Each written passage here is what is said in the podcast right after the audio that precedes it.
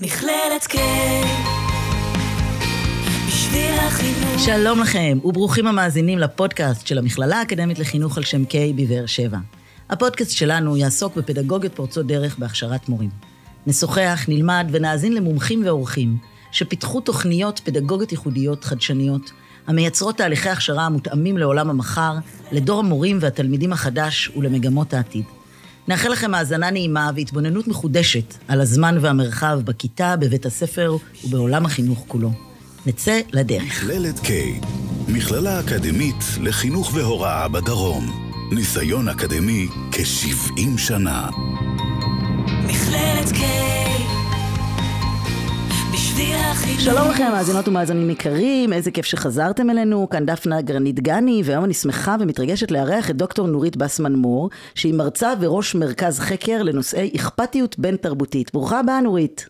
תודה רבה, דפנה. אז אה, קודם כל מאוד כיף שבאת, אבל עוד לפני שנצלול לנושא שלנו של היום, שנקרא פדגוגיה של צדק, מגוון והכלה, תסבירי לנו מה, מה זה אכפתיות בין תרבותית. נתחיל, נתחיל רגע מכאן. אכפתיות בין תרבותית היא למעשה המטרה העיקרית בעיניי של פדגוגיה של מגוון צדק והכלה. ואם תרשי לי, אני אדבר בהמשך על פדגוגיה של מצה כדי uh, uh, להקל על השיח, מגוון צדק והכלה. אז המטרה המרכזית של הפדגוגיה הזאת, uh, החשובה ביותר, היא אה, ליצור אכפתיות בין תרבותית. עכשיו, חשוב לציין שהמטרה הזאת היא לא רק שהיא בעיניי המטרה המרכזית, היא גם אה, החידוש שלי ושלנו כמכללה בהקשר של השיח הבין-תרבותי. זה לא משהו שמקובל לראות אותו כמטרה של הפדגוגיה הזאת, זה תוספת שלנו. מעניין מאוד, אז, אז מהי התוספת? מהי, מהי אכפתיות בין-תרבותית? אז אה, אני חושבת שלפני שאני אסביר מהי אכפתיות בין-תרבותית, היה כדאי להסביר מהן המטרות המקובלות של הפדגוגיה של מצה, ואז, ואז אני אוסיף את המטרה הזאתי, כדי שאפשר יהיה להבין במה היא שונה ומה היא מוסיפה למטרות האחרות. אה, זאת אומרת, יש פדגוגיה שנקראת פדגוגיה של מגוון צדק והכלה, כן. ובעצם המרכז חקר שלכם הוסיף עוד נדבך? נכון, לכך את מתכוונת? נכון. אוקיי, אז תסבירי לנו את המטרות המקוריות, ואחריהן את התוספת. אז פדגוגיה של מגוון צדק והכלה, זה פדגוגיה, אפשר לאפיין אותה על ידי המטרות שהיא מציבה לעצמה, ואפשר לאפיין אותה על ידי דרכי הפעולה, הפדגוגיות שנוקטים. אני כמובן מעדיפה להתייחס גם לזה וגם לזה, בראש ובראשונה למטרות, כי אני חושבת שפדגוגיה בלי מטרה זה לא חינוך, ומצד שני, מטרה בלי פדגוגיה היא חסרת משמעות באיזשהו מובן. אז אז אני רוצה להתייחס גם למטרות של הפדגוגיה וגם לדרכי הפעולה. לגבי המטרות, יש ארבע מטרות מרכזיות של פדגוגיה שמגוון צדק והכלה, או פדגוגיה בין תרבותית או רב תרבותית, יש שמות רבים, בכולם אנחנו מתכוונים בסופו של דבר לאותו דבר.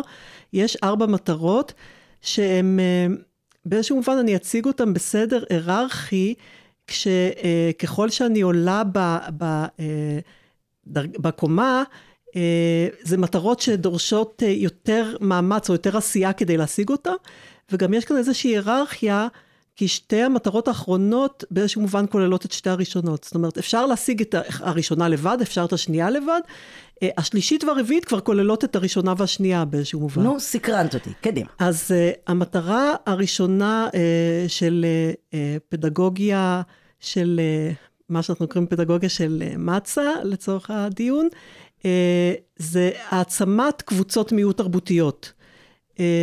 טיפוח הגאווה שלהם. זה, זאת מטרה אחת. המטרה השנייה זה שיפור הסיכויים של בני קבוצות מוחלשות להצליח בלימודים, וכתוצאה מכך להשתלב באופן שוויוני בחברה. המטרה השלישית, שהיא כבר הרבה יותר רחבה ויותר משמעותית, ב... לא, לא יותר משמעותית, יותר רחבה ויותר אה, מבוססת על הערכים האישיים שלי, אה, או אולי היא יותר רחבה כי היא במידה מסוימת גם כוללת את הקודמות, אה, זה עם מטרה מאוד רחבה, אנחנו רוצים בסופו של דבר לבנות חברה אה, שמבוססת על ערכים מסוימים. הערכים שאני אוהבת לדבר עליהם זה ערכים של סובלנות, ענווה פתיחות לשונות אה, ודאגה אכפתית. אה, עכשיו, הבעיה בדיבור על ערכים, אה, שכל אחד משתמש באותו מינוח ומתכוון בעצם למשהו אחר. ולכן באותו, באותה מידה שאני יכולה לדבר על, על uh, ארבעת הערכים שהצגתי כרגע, אני יכולה גם לדבר על ערכים של מגוון צדק והכלה. ולפעמים אני גם מדברת על מטרות הפדגוגיה או, או החברה שאני רוצה אה, אה, לנסות אה, לכונן באמצעות יישום הפדגוגיות האלה. אני מדברת לא במונחי ערכים, אלא במונחי היחסים שאני רוצה שיתקיימו בין קבוצות של אנשים בחברה הזאת. וגם כאן אה, היחסים שמדברים, נהוג לדבר עליהם, זה יחסים של אה, הפחתת הבדלים תרבותיים, קבלה, אה, הייתי אומרת, התחשבות ודיאלוג. עכשיו, אה, שוב, גם כאן זה מושגים שניתנים לפרשנויות מרובות, ולכן במקום להשתמש בסיסמאות של אה, ערכים או של יחסים ולקרוא, אני פשוט אסביר לך בכמה מילים איזה מין חברה אני רוצה שיהיה ואיזה מין חברה הייתי רוצה אה, באמצעות הפדגוגיות האלה לקדם. רגע, אבל בעצם אמרת שיש, זה, היחסים זה הדרגה הרביעית? זה המטרה הרביעית? לא, לא, אנחנו עדיין אה, במטרה בשלישית. השלישית. אוקיי, כן. בבקשה, כן. עדיין, זו, זה עדיין, אני מפרטת את סוג החברה סבבה. שהייתי רוצה אה, לטפח באמצעות הפדגוגיה. אוקיי. אז בעצם אני הייתי, אני שואפת לחברה שבה בני אדם מכירים באנושיות האוניברסלית השוויונית של בני אדם. אה, חברה שבה בני אדם מכירים בזה שלכל לכל אדם יש זכות לחיות באופן שהוא בוחר לעצמו. אה, חברה שמניחה שלאף בן אדם ואף אה, תרבות אין מונופול על האמת, על היפה והטוב. זאת אומרת, איזה מין אה, אה, שוויון תרבותי, והכרה, חברה שאנשים מכירים בכך שמגוון תרבותי אה, הוא מקור להעשרה של כל בני החברה. הוא לא איום על מאפיינים קבוצתיים, הוא לא איום על הסולידריות הקבוצתית, אלא הוא דווקא אה, משאב אה, בעל ערך. מה שאנחנו קוראים השונות כמשאב. כן. ואז אז השאיפה שלי היא שאנשים אה, בחברה שלנו, התלמידים, הסטודנטים, שיהיו אה, אה, אה, האזרחים העתידיים, אה, אה, יכירו, יכירו בדברים האלה. והדבר הנוסף שאני רוצה... המטרה הרביעית? זה עדיין במטרה אה. השלישית, עדיין אוקיי. משהו שחשוב לי אה, לפתח בהם, וכאן נכנס החידוש שלנו של הקרינג, אה, אכפתיות בין תרבותית.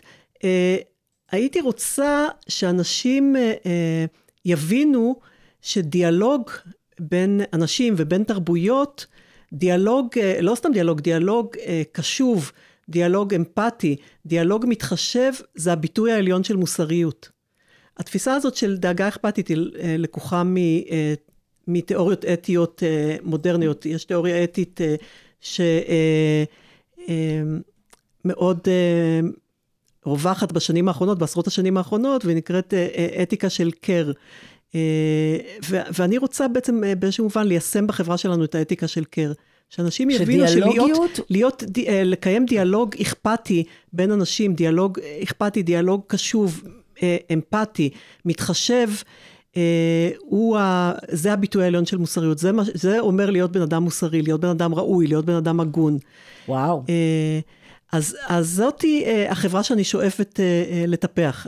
שאיפה מאוד גדולה, אבל... מה שאומרים, מהפה שלך ל- לאלוהי הערכים והיישומים, כן? כן, וזה זה בעצם אה, שלושת המטרות, אה, בינתיים דיברתי על שלוש מטרות, על, על העצמה, על אה, שיפור שיפור, הסיכוי. מוביליות לעצ- חברתית, ועל ו- אה, התפיסה החברתית על, אה, הכוללת. על בניית חברה שמבוססת על ערכים מסוימים, על, אה, על, על תפיסות ערכיות מסוימות.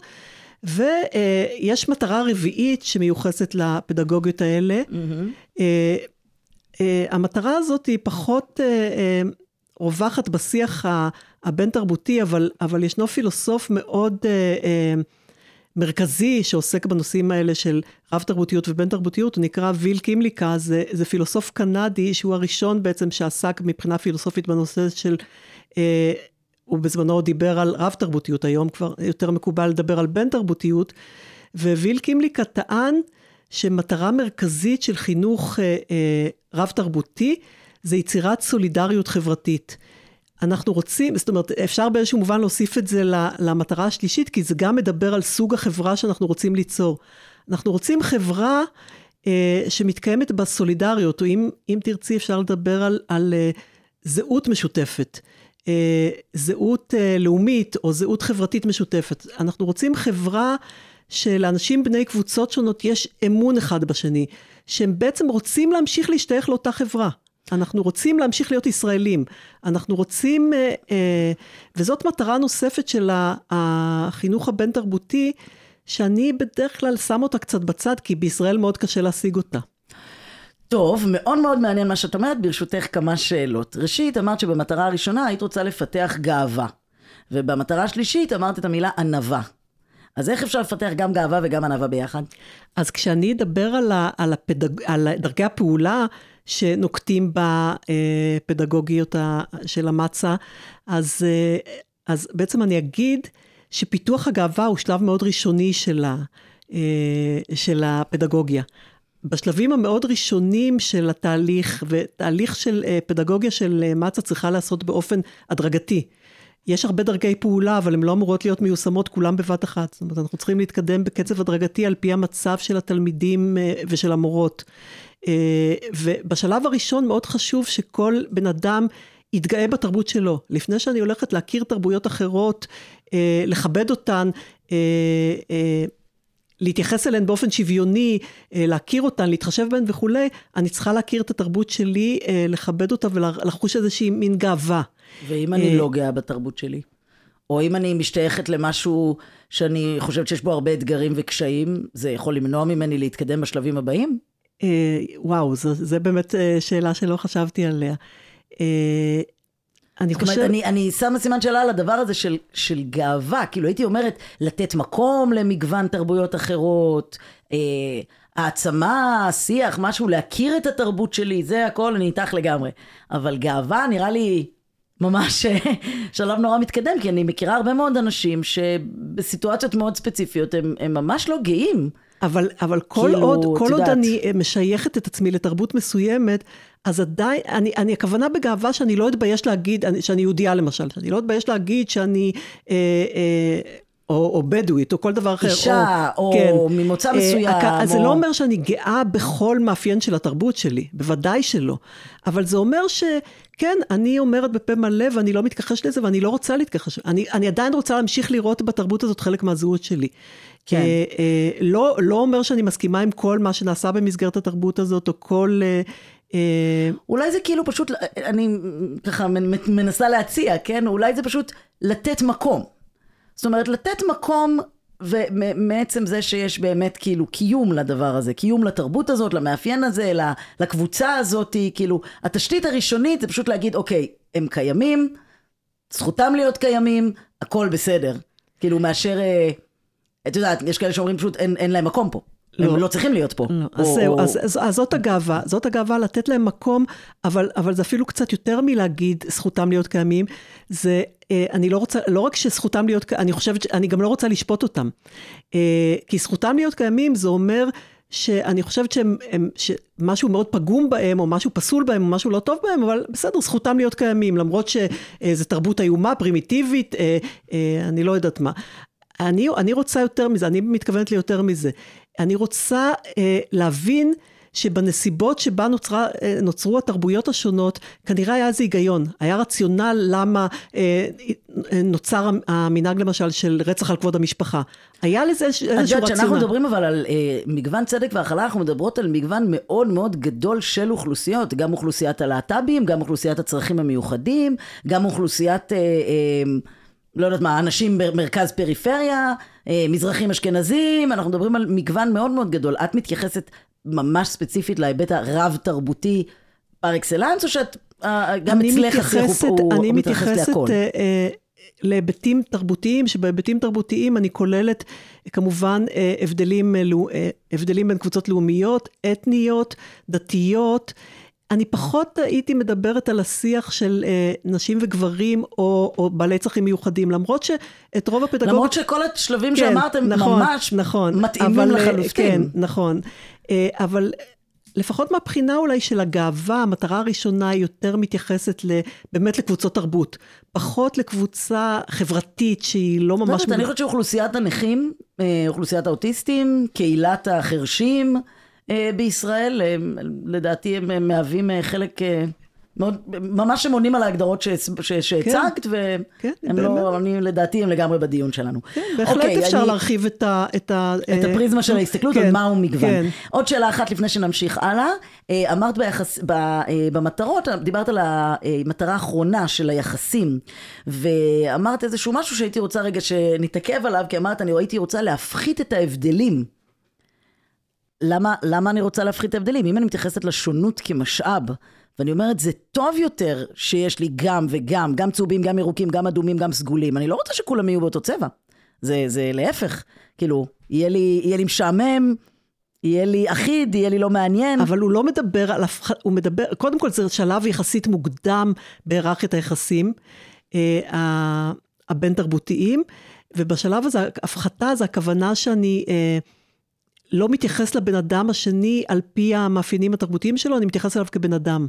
זאת הכוונה. זה לא, בשלב, בשלב מתקדם יותר אני כן ארצה לחזור ולראות את ההבדלים. זה רק שלב ביניים, זה לא דבר סופי ביחסים שאני רוצה לשאוף אליו, שבסופו של דבר נפחית את ההבדלים בין אנשים. זה איזשהו צד ביניים אה, כדי להכיר באנושיות משותפת. אחרי שנבנה יחסים כאלה, שאנחנו מכירים באנושיות משותפת, אז בואו נתבונן גם בהבדלים. אז זה הפחתה אה, כשלב ביניים. לא כשלב סופי ביחסים. אוקיי, okay, אוקיי. Okay. אמ, אז בואי, בואי נתקדם עוד אה, צעד קדימה. אז בעצם אנחנו אה, אומרות, או את אומרת, שהפדגוגיה של מגוון צדק והכלה, היא כוללת תפיסה מאוד מאוד רחבה, שמסתכלת על, ה, על השונות. כמשאב, הבנה שיש לי קבוצות מאוד מאוד שונות, ואז אנחנו מסתכלים גם על הפרטים שביניהם, וגם עליהם כקהילות, וגם על מערכות היחסים בין הקהילות האלה, ביחס אה, וברצון לקראת איזושהי חברה אני אגיד בזהירות אה, אוטופית, אה, שבה ערכים של סובלנות, פתיחות דיאלוגית, אכפתיות ועוד, הם אה, ערכים בולטים. ואיך אנחנו אמורות לעשות את כל הדבר הזה? נורית, ספרי לי רגע, אחרי שהבנו את הערכים הכלליים, מה לדעתך צריכה להיות הפדגוגיה, או מה לדעתך, אז... או, או אפילו נשאל את זה עוד לפני הפדגוגיה, מה הקשר לחינוך? הדרך להשיג את הדברים האלה היא, אני חושבת שהיא בעיקר, לא, לא רק חינוך, אבל בעיקר חינוך. כמובן שנכנסים גם, אה, אה, נדרשים שינויים פוליטיים, אבל לזה אני לא אתייחס. אבל יש אה, אה, כמובן שדרכי פעולה חינוכיות שאותם אנחנו אמורים אה, ליישם, אה, וגם כאן יש אה, בגדול אה, ארבע דרכי פעולה, ש... אה, לא מקבילות למטרות, זה לא שהדרך הפעולה הראשונה תשיג את המטרה, הדרך הפעולה הראשונה תשיג את המטרה הראשונה והשנייה. אה, רוב דרכי הפעולה הן מתאימות לכמה מהמטרות. אז זה לא התאמה מלאה בין דרכי הפעולה לבין המטרות, אבל יש אה, בגדול ארבע דרכי פעולה. שהשאיפה היא אה, לשלב, אה, לשלב ביניהן, זאת אומרת, אני חושבת שאף אחת מהן היא לא מספיקה כשלעצמה, אנחנו שואפים לשלב ביניהן כדי להשיג את אה, המטרות שהזכרתי לעיל. אה, המטרה, דרך הפעולה הראשונה אה, זה יישום של חינוך אה, מותאם. עכשיו, חינוך מותאם, אם אנחנו מכניסים, הכנסנו למגוון שאנחנו מדברים עליו גם את האוכלוסיות של בעלי צרכים מיוחדים, אז כמובן שזה גם חינוך מותאם אה, אינדיבידואלי, על פי אה, אינטליגנציות, על פי יכולות למידה וכולי, וזה אני פחות מתמצאת, אבל זה גם חינוך מותאם תרבותית. אה, אני צריכה להתאים את תכני הלמידה שלי ודרכי הלמידה לאוכלוסייה שאותה אני מלמדת. אה, אם יש אוכלוסייה יותר, אה, גם מבחינת התכנים, יש דברים שאני לא אכנס לכיתה של תלמידים מרקע מסוים, אני לא אדבר על אה, נושאים מסוימים, בטח לא בשלבים ראשונים, וכמובן גם דרכי פעולה, יש אוכלוסיות שלמשל באות מחברה מאוד סמכותית, אז אולי למידה מאוד חופשית, או שמעניקה להם הרבה אוטונומיה, תהיה בשלבים ראשונים קשה להם. אז, אז זה הדבר הראשון שצריך לעשות. אה, פדגוגיה מותאמת אה, אישית ותרבותית. אה, הדבר השני שצריך לעשות זה, וזה בטח בזה את מבינה יותר ממני, זה חינוך דמוקרטי.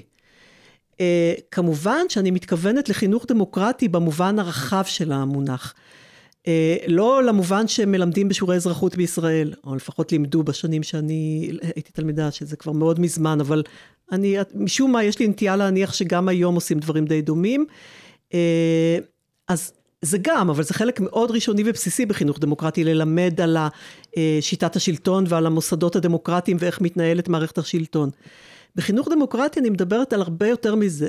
אני מדברת על הכרת הרקע ההיסטורי ופילוסופי של הדמוקרטיות, ובעיקר אני מדברת על שזה, אה, את רואה, זה מתקשר קצת למטרות, כמו בהכרח, אה, אני רוצה להקנות לתלמידים, או, או לטפח בתלמידים, ערכים דמוקרטיים, הרגלים דמוקרטיים, תפיסות עולם דמוקרטיות. ואת זה עושים בגדול בשלוש דרכים. דבר אה, ראשון, לומדים ומדברים ומכירים את המשמעות של מושגים כמו אה, אה, זהות, אה, הגדרה עצמית, שונות, אה, תרבות, דיכוי, הדרה, אפליה, דמוקרטיה, רב תרבותיות, כל המושגים האלה, לומדים על מושגים.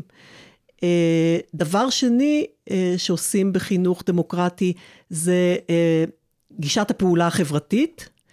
אני חושבת שאתם... אקטיביזם, את מתכוונת? קוראים לזה אקטיביזם. Mm-hmm, אוקיי. Okay. אנחנו מתמודדים עם בעיות חברתיות, בראש ובראשונה, או בהתחלה, זה, זה גם מתקשר לפילוסופיה של פאולו פררה, או לתפיסה החינוכית mm-hmm. שלו. אנחנו uh, עוסקים בבעיות, בהתחלה בהקשר המיידי של התלמידים, כמו למה אין, אה, אין אולם ספורט בבית הספר שלנו, או... אה, למה יש אנטנה סלולרית מעל הבית ספר, או למה לא ממחזרים, או... ואז אנחנו בודקים את ה... למה אין, מה יכולים להיות הערכים. ש...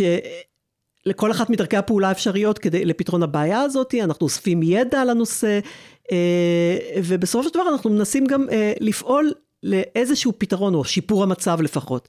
אז זה, אה, וכמובן, בהתחלה מתחילים עם בעיות מאוד מקומיות, ובהמשך יכולים להגיע לבעיות חברתיות הרבה יותר רחבות. הדבר השלישי שעושים בחינוך דמוקרטי זה דיונים. דיונים בנושאים אקטואליים, הרבה פעמים נושאים קונפליקטואליים, נושאים שקשורים אה, הרבה פעמים לדיכוי, להדרה, לחוסר צדק.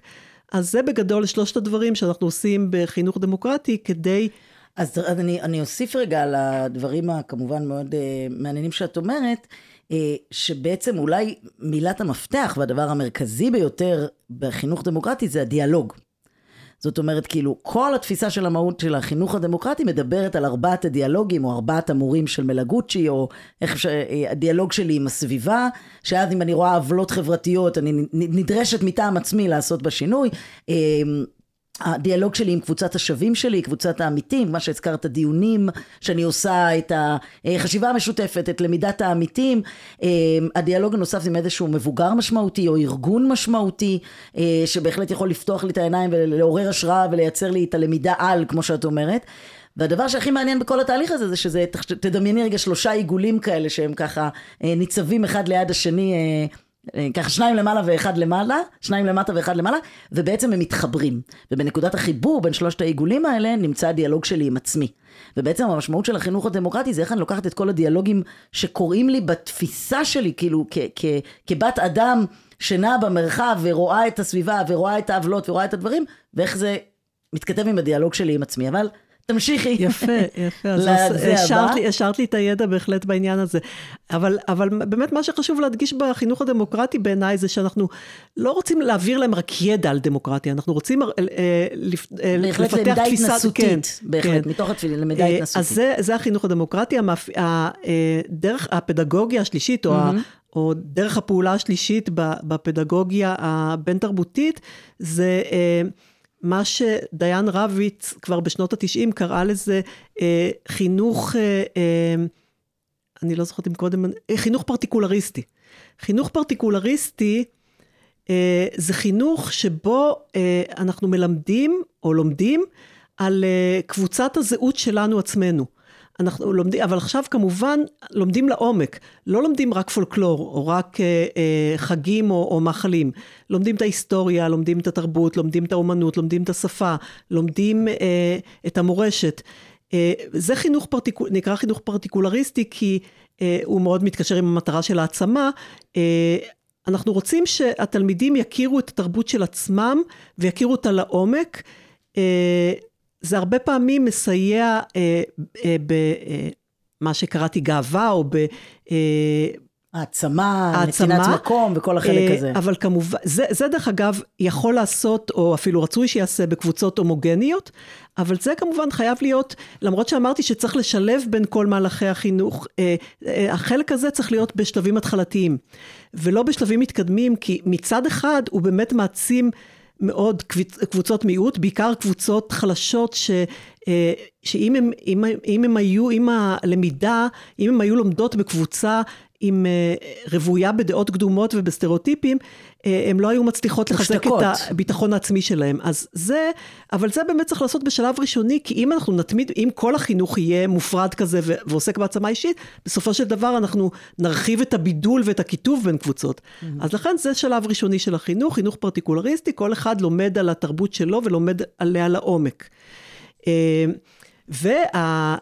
והדרך הרביעית בחינוך אה, אה, והייחודי, אה, והאופן אינטואיטיבי מקושר אה, אה, באופן ישיר לחינוך הבין-תרבותי, זה מה שרביץ' מכנה אה, חינוך אה, פלורליסטי. לא פרטיקולריסטי, אלא פלורליסטי.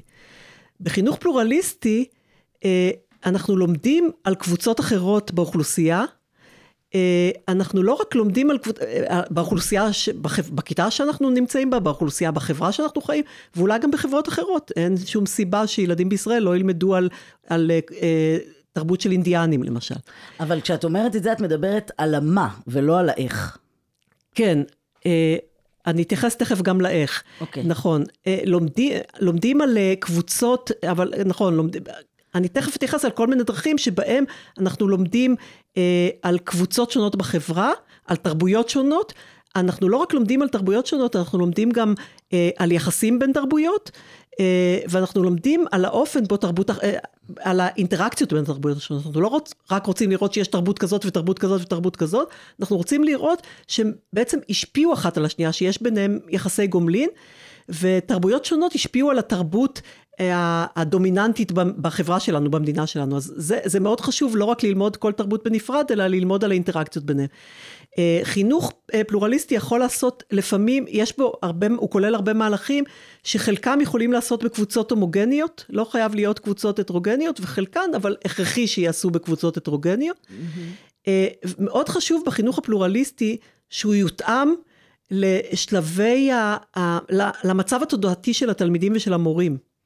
אני לא יכולה להתחיל בדברים, בעימותים בין תרבויות, כשה... אה, אה, כשהתלמידים בקושי מכירים בכלל שקיימות תרבויות אחרות, או אם כן, הם תופסים אותם באופן מאוד סטריאוטיפי ומאוד אה, מקוטב. אז, אז כאן בחינוך הפלורליסטי מאוד חשוב להתייחס למצב התלמידים והמורה. שלב מאוד התחלתי, וזה משהו שאנשים עושים הרבה פעמים באופן אינטואיטיבי, זה מדברים על ה... וזה... על הפולקלור. כן, על, על תרומות, על תרומות של תרבויות שונות. תרומות, תרומות זה מונח של בנקס, של החוקר בנקס. הם מדברים מה התרבות הזאת תרמה לאנושות. אז מדברים על מאכלים, ומדברים על אומנות, ו, ואני לא מזלזלת בזה, זה דברים מאוד חשובים והכרחיים. רק שהבעיה בזה, אני קצת גולשת לעניין של האתגרים, שהרבה אה, מורים ומרצים רואים בזה את חזות הכל. וזה ממש שלב התחלתי וראשוני, ואולי הכרחי, אבל אה, ממש אי אפשר להיעצר כאן. Mm-hmm. לומדים על גיבורים, לומדים על חגים, זה לא שאם למדנו על הסיגד, אז זהו, אנחנו כבר מומחים בחברה האתיופית, ועכשיו אנחנו כבר יחסים בינינו נהדרים. אבל בהחלט זה שלב חשוב והתחלתי. בשלב יותר מתקדם אנחנו לא רק נלמד על תרומות של תרבות מסוימת לא, לאנושות, אלא אנחנו כבר ממש, אולי, אולי בעצם, סליחה, אולי כן נלמד על תרומות, אבל נלמד את זה באופן יותר נרחב. אנחנו ממש אבל כאן כבר נכניס לתוכנית הלימודים שלנו יחידות לימוד שלמות על קבוצה מסוימת, נכניס קורסים שלמים, נכניס יצירות ספרות של קבוצות אחרות. אולי מפגשים? אם זה, מפגשים, אם, מפגשים, אם זה בר ביצוע. מפגשים זה קצת יותר מתקדם מזה כבר. Mm-hmm.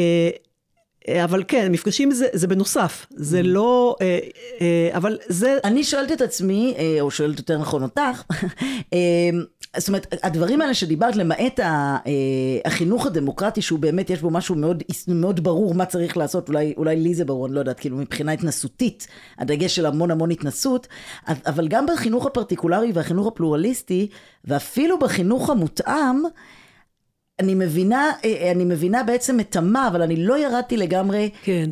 לאיך. זאת כן. אומרת, האיך הוא, ל- אמרת לי ללמד על. נכון. ללמד נכון. על זאת אומרת, אני אה, יותר התייחסתי מאבקים לתכנים. של האינדיאנים ושל השחורים נכון. ושל הזה ושל זה ושל זה, אבל לא הבנתי האם יש כאן איזושהי פדגוגיה ייחודית. כן, אז כאן אנחנו, אה, אז אני פירקתי את זה לכמה מהלכי פעולה נפרדים, אבל בעצם זה אמור להשתלב יחד.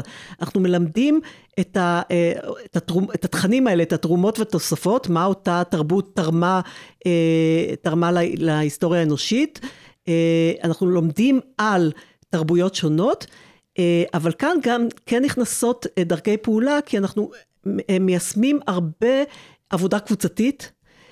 עוסקים, הרבה מהלמידה היא מתרחשת בקבוצות, כשהקבוצות הן אה. אמורות להיות קבוצות הטרוגניות, כי באמת אם עד, עד השלב הזה ללמוד על, אנחנו יכולים לעשות גם בקבוצות הומוגניות. Mm-hmm. אני לא חייבת כדי ללמוד על, ה, על הבדואים להיות בכיתה עם בדואים, אני יכולה להיות בכיתה, או כדי ללמוד על חרדים, להיות בכיתה עם חרדים. Mm-hmm. אה, אבל, אה, אבל אחד הדברים ההכרחיים בחינוך הפלורליסטי, זה גם לשתף פעולה בלמידה עם תלמידים אה, מרקע שונה משלי.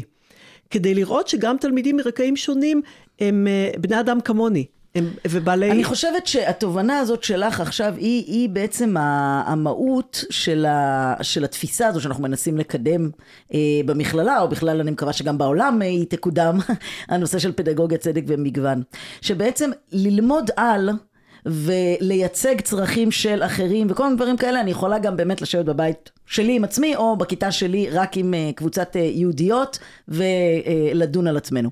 אבל אם אנחנו באמת רוצים לייצר חינוך פלורליסטי משמעותי, ובאמת לפתח פדגוגיה של מגוון, אז היתרון האדיר שיש לנו בלמידה משותפת, בקבוצות הטרוגניות, בלמידה של מגוון, עוד פעם זה חוזר להנחת היסוד שלנו של השונות כמשאב.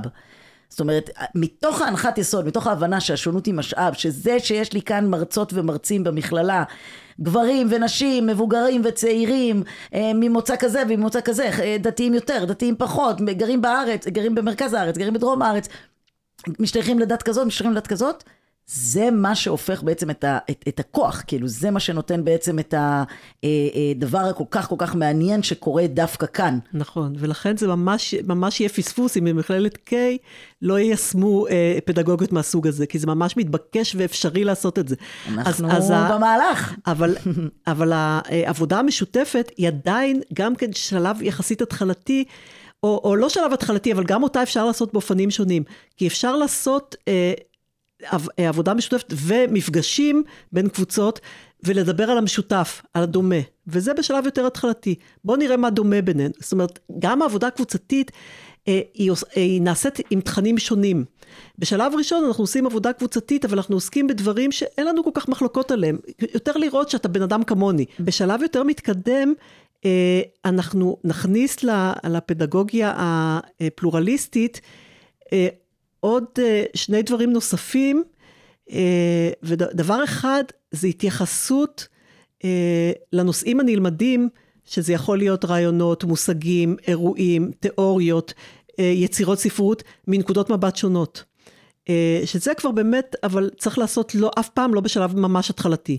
אחרי שהתלמידים שלנו כבר מכירים אחד את השני, אחרי שהם מכירים, מתייחסים אחד לשני כבני אדם, אחרי שהם מבינים ש... אה, שהחבר שלי הוא בן אדם בדיוק כמוני, עם אותם רצונות ואותם צרכים ואותם יכולות הרבה פעמים, אה, אנחנו רוצים אה, כבר להתחיל לראות שזה שהוא מתרבות שונה ממני, זה לא אומר בהכרח שהוא פרימיטיבי יותר ממני, או שהוא נחות ממני. אנחנו רוצים להתחיל להתייחס לתרבויות אחרות כשוות ערך.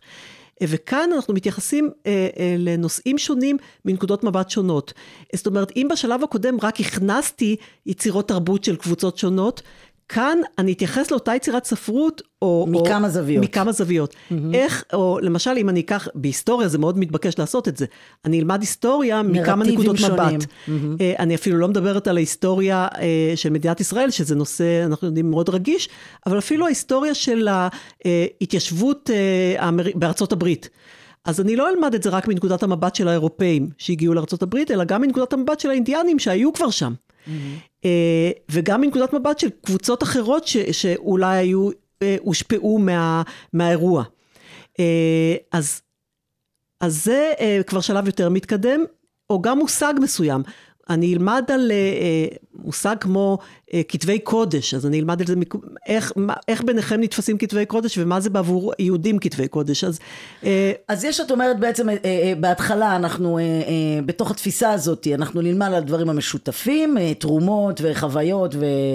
פיתות, אחרי זה אנחנו נלמד על חוסר ההסכמות, נלמד על אה, דברים שונים ומגוונים וזוויות ראייה שונות. אולי אני יכולה להציע שהשלב הבא, אני לא יודעת אם לשם את הולכת, אבל אה, בהרבה תיאוריות של חינוך דמוקרטי מדברים בעצם על, ה, על האקטיביזם המשותף. זאת אומרת, הבנה שיש לנו איזשהו אה, אה, צורך משותף או בעיה משותפת שאנחנו יכולים דווקא בזכות השוני בינינו אה, להתגבר עליה. אז דווקא את, ה, את ההצעה הזאת זה לא משהו שאני אה, מכירה מהספרות, אבל זה בהחלט אה, נראה לי שמשהו שאפשר לתרום, שאנחנו יכולים לתרום ולהוסיף.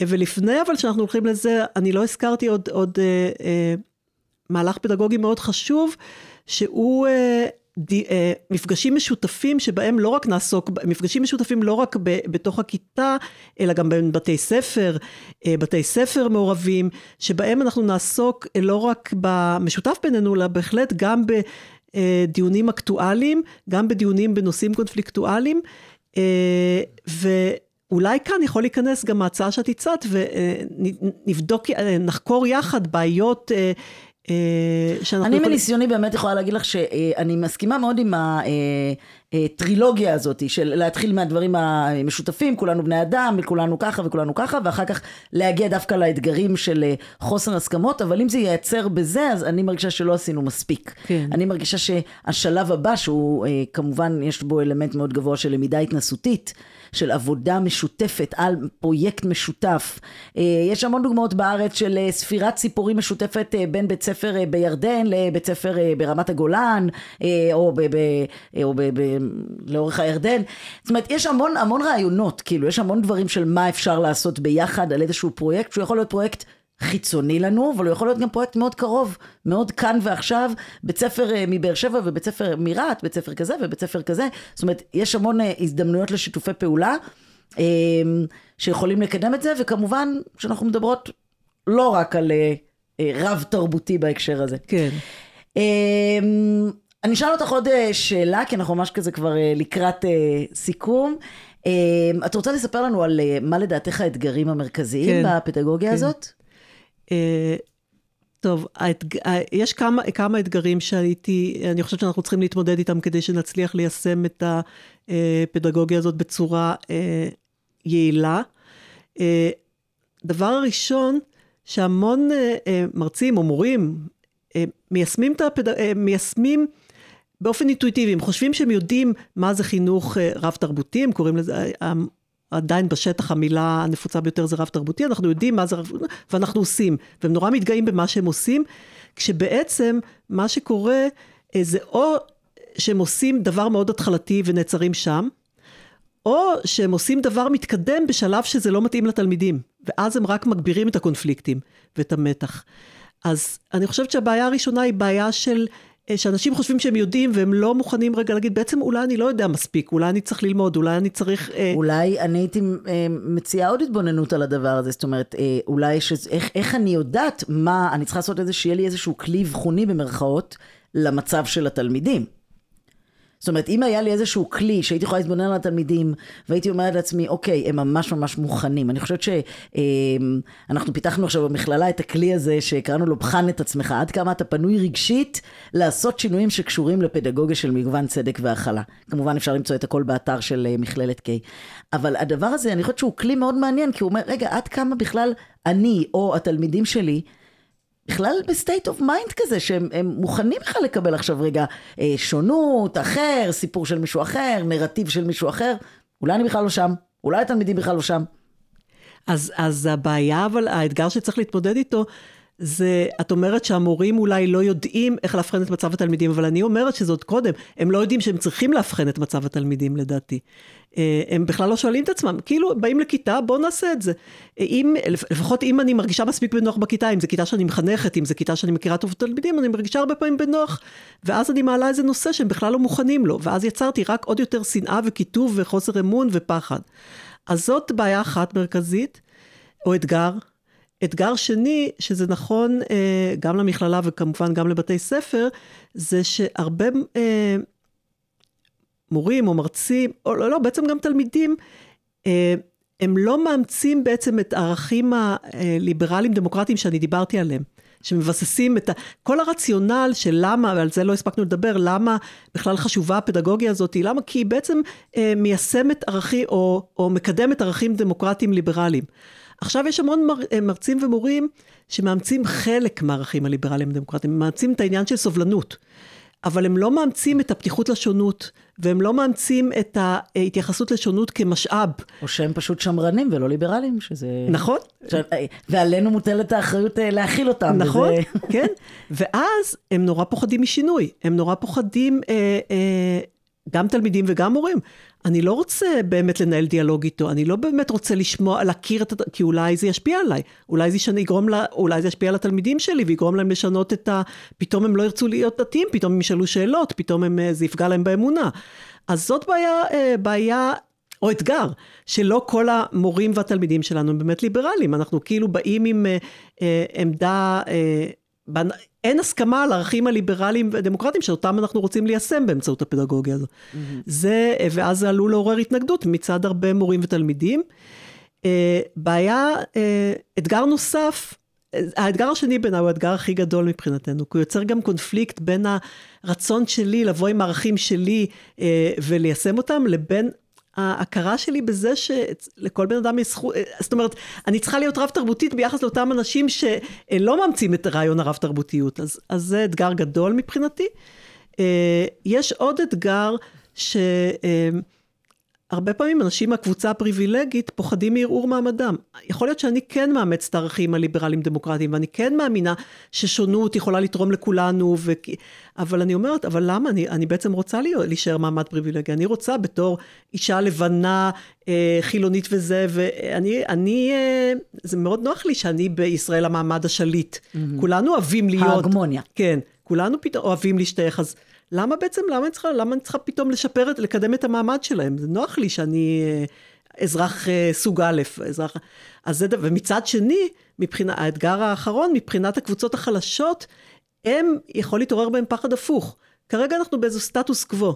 למה אני עכשיו אפתח נושא, אה, וטוב, לא, אנחנו מסתדרים בזה, אנחנו רגילים לזה. לא רוצה עכשיו להעלות איזה דיון קונפליקטואלי שפתאום, אני לא יודעת לאן זה ייקח אותנו. אולי זה מפחיד, זה מפחיד ל... אז אני חושבת שאלה ארבעת האתגרים שאני חשבתי עליהם. אה, אוקיי, בהחלט אתגרים אה, לא פשוטים ולא קלים בכלל. אז עכשיו אני אשאל אותך בעצם אה, את השאלה האחרונה, שאולי תסגור לנו את הפרק הזה, והשאלה היא, היא למה עכשיו? למה אנחנו כמכללה להכשרת מורים נדרשים לעשות איזושהי חשיבה מחודשת ולהעמיק רגע את התפיסות שלנו בנושא פדגוגיה של צדק ומגוון? האם זה קשור למצב בעולם, קשור למצב בארץ, קשור למצב בנגב? קשור לקורונה, לא יודעת. מה, למה עכשיו לדעתך? אני אתן את ההסבר uh, שבעיניי הכי uh, מתקבל על הדעת, אני מניחה שיכולים להיות עוד, עוד הסברים, אבל מה שעולה uh, על דעתי, קודם כל, החברות בעולם נהיו הרבה יותר מגוונות. Uh, בישראל החברה הייתה מגוונת מיום הקמתה. תמיד, מיום הקמת המדינה ולפני, היו כאן קבוצות שונות מבחינה אתנית, לאומית, דתית. אז בישראל זה לא חידוש, החברה לא נהייתה יותר מגוונת. אה, אבל מה שכן השתנה, שבישראל, זה כבר לא מהיום, זה כבר כמה עשרות שנים האחרונות, שיח הזכויות או, או אה, מאוד מאוד אה, התחזק, או הערכים הליברליים הולכים ומתבססים. אנשים יותר ויותר מודעים לזה שלכל בן אדם יש זכות לממש את עצמו גם כאינדיבידואל וגם כחבר בקבוצה תרבותית מסוימת שהוא בוחר להזדהות, להשתייך אליה. עכשיו, מכיוון שלחלק מהקבוצות במדינת ישראל לא ניתנה אפשרות לממש את עצמם כאינד- באופן שוויוני, כאינדיבידואלים או כחברים בקבוצות זהות מסוימות, בגלל חלוקה לא שוויונית של משאבים מסוגים שונים, זה עורר המון מרירות וכעס וזעם ו- ומתחים. ולכן, ו- והחוסר שוויוניות הזאתי, מכיוון שהערכים הליברליים נהיו כל כך אה, מקובלים, ומכיוון שהם לא מיושמים בצורה מספיק מוצלחת בחברה בישראל, זה עורר כעסים ומתחים ו- אה, של, הרבה קבוצות. אה, ואנחנו הגענו למצב שקשה מאוד ואולי, ואף אחד מאיתנו לא רוצה לחיות בחברה רוויית מתחים ואלימות, אה, אה, כמו החברה שאנחנו חיים בה היום. שנאה, פחד, חוסר אמון. אה, אני, אני הייתי נורא נזהרת מהמילה ערכים הליברליים. אני אישית, כאילו, אני, אני מרגישה שזה יכול... אולי לחלק מהאנשים אה, פחות ירצו להצטרף למהלך שמחזיק בד, בדגל הזה של ערכים ליברליים. אני הייתי מתמגנת בערכים דמוקרטיים. זאת אומרת, אני חושבת שאנשים, בטח במכללה, אבל אני בטוחה שגם בארץ, אם אני אגיד להם, הערכים שאנחנו רוצים להציע לכם זה חירות, שוויון ואחווה, יש לי תחושה שהם היו יותר מתחברים אה, מאשר ערכים אה, ליברליים של, אה, לא יודעת, אולי, אולי אני טועה. אבל כשאני מדברת על חירות, אז אני מדברת על באמת היכולת להיות, אה, לה- להחזיק את ה... אה, בכל מיני תפיסות עולם שונות ומגוונות. גם תפיסת עולם ליברלית וגם תפיסת עולם שמרנית, כאילו הכל בסדר, כולם, אה, כולם פתוחים, כולם מזמינים. אה, כשאני מדברת על שוויון אז אני בהחלט מדברת על אחד הדברים שאת הזכרת בהתחלה, על כל הנושא הזה של אה, צמצום הפערים החברתיים, אפשור של מוביליות חברתית, והיכולת בעצם לייצר מערכות יחסים יותר הוגנות. בין, בין קבוצות שונות, ואולי הערך הכי מרגש, אנחנו פה באיזה דיון פילוסופי על ערכים, אבל את פילוסופית, נכון? את באה כן. מהפילוסופיה. אז זה באמת העניין של האחווה. כי אני חושבת שאולי חירות ושוויון, כאילו זה משהו נורא של מנגנון, כאילו יש, יש כל מיני אה, רשויות שיכולות לדאוג לדברים האלה. אבל אחווה, אין שום רשות שיכולה לדאוג לאחווה. ו- ו- ולכן אני מרגישה שאולי דווקא מערכת החינוך, זה התפקיד שלה. נורא לדאוג- יפה שאת מסיימת באחווה, כי זה מחזיר אותנו למה שפתחנו, הדאגה האכפתית. נכון. וזה באמת משהו שאני רוצה להוסיף לשיח ש- אה, הרב-תרבותי, כי בדרך כלל לא מדברים על ה... אה, בדרך כלל אנחנו אומרים, בואו אה, נפתח את החברה הבין-תרבותית, כי כולנו נרוויח מזה. ואני אומרת, גם אם אני אישית לא ארוויח מזה, אני רוצה כי זה, אה, לפתח חברה כזאת, כי זה יאפשר לי להיות מוסרית. נכון. להיות בן אדם דואג אכפתי, זה אומר להיות בן אדם מוסרי. אני לא עושה את זה למען תועלת אישית שלי, בהכרח. אני עושה את זה גם כי אני רוצה להיות בן אדם טוב והגון. אני אז, אה, עושה את זה למען האחווה, למען כן. החיבור הקהילתי, למען מערכות יחסי הגומלין כן. אה, הטובות, המיטיבות של האנשים אה, אחד עם השני. כן. תודה רבה רבה לך, אה, דוקטור נורית בסמן, היה לי מאוד מאוד מעניין וכיף להיות איתך באולפן. תודה רבה גם לחגי גלילי, העורך שלנו, ולמרכז אדם, אשר במכללת K. תודה לכם מאזינות ומאזינים, ונשתמע בפרקים הבאים. מכללת K, בשביל החינוך. מכללת K, מכללה אקדמית לחינוך והוראה בדרום. ניסיון אקדמי כ-70 שנה. מכללת K, בשביל החינוך.